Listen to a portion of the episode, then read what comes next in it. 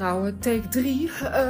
take 3, dat betekent dus dat ik nu voor de derde keer uh, probeer een, een vrijdag aflevering uh, op te nemen. Ehm, maar ik ben mijn hele verhaal kwijt, ja. Want die eerste, eerste take, wat, nou, nee. Tweede take, moi. Nou, dus dit is de derde. Mijn verhaal ben ik kwijt, maar wat ik wel voor deze keer even wil doen is mijn vaste luisteraars, van wie ik de namen ken dan althans, uh, die wil ik even bedanken dat ze trouw luisteren. Dat laten ze me ook weten. Uh, nou, ik weet helemaal niet of ze het leuk vinden als ik hun namen noem, maar ik doe ook alleen voornamen. Ik noem Julie, Anoushka, Amanda, Ab, Benny en ik denk Wim en ik denk, en ik weet ook mijn moeder, maar alleen als het er lukt om, uh, om mijn podcast te vinden. Want dat lukt dan weer een maand niet en dan weer wel. Uh, op de iPad heeft ze een beetje moeite mee. Uh, nou, mijn vader vindt het niks. Uh, en ja, althans, nou, die heeft alleen de eerste paar afleveringen volgens mij beluisterd. En die had zoiets van, wat is dit? Nou, dat snap ik ook wel. Ehm Ja, en ik wilde het dus even hebben over. Um, nou, gisteren toen keek ik even op Twitter en zag ik een tweet voorbij komen van een uh, columnist van HP De Tijd. Ton F. van Dijk is zijn naam.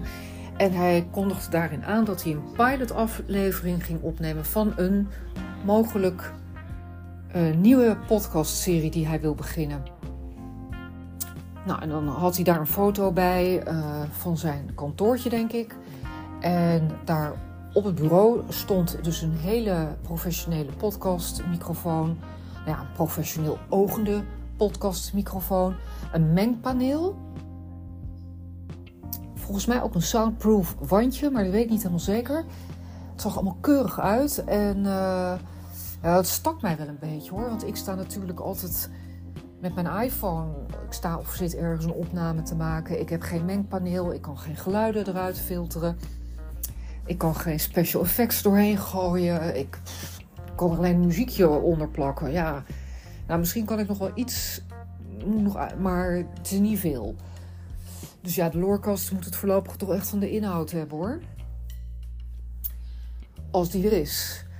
Um, ja, dus en elke keer denk ik, nou, nou ga ik het doen. Hè. Nu ga ik, ga ik ook zo'n zo'n zo'n kantoortje inrichten. Want op zich heb ik een, heb ik een kamer over. Dat is een, nu een soort wolken in kledingkamer. Maar het zou ook een studeerkamer kunnen zijn. Een podcastkamer. Dus. Maar goed, ik uh, heb ook mijn auto in een week tijd voor de tweede keer van de garage moeten ophalen. Voor twee verschillende reparaties. Dus in zeven dagen tijd. Dus ja, de, de, het mengpaneel en de zeer professionele podcastmicrofoon moeten nog even wachten.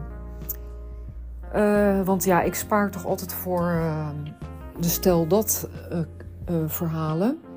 Ik, zou het, ik zou het op zich aan kunnen schaffen hoor. Het zou kunnen, maar dan heb ik weer minder geld over voor stel dat. Zoals een auto die kapot gaat of een wasmachine. Ik spaar dus ook niet voor kleding of voor vakanties. Um, Nee, het is altijd voor stel dat. Zaken. Kent u dat? Nou, als, nou morgen, als ik nou zeker zou weten dat morgen mijn laatste dag zou zijn, dan zou, zou ik zeggen: Oké, okay, hartstikke idee, ik geef het uit aan dit en aan dit en aan dit. Maar um, ja, ik ben echt stier, hè? Ik hou van zekerheden. Uh,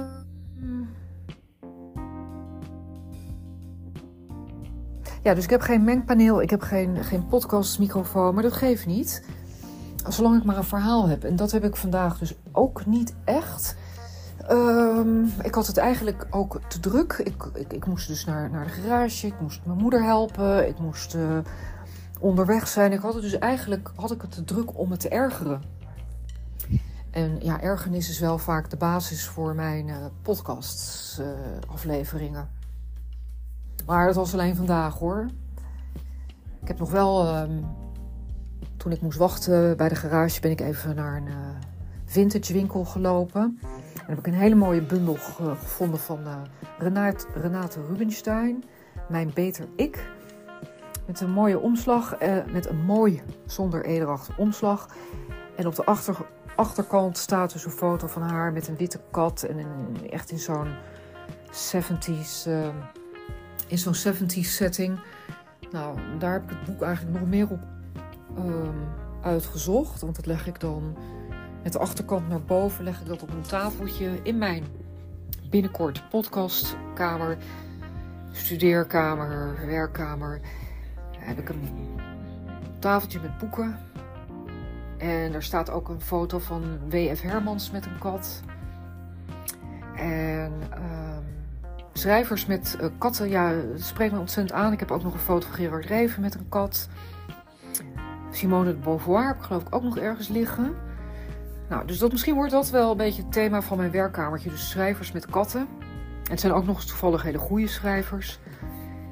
Uh, ik wilde ook ooit schrijver worden. Weet, weten sommigen van u dat nog? Dat ik nog ergens een weblog heb. Nou.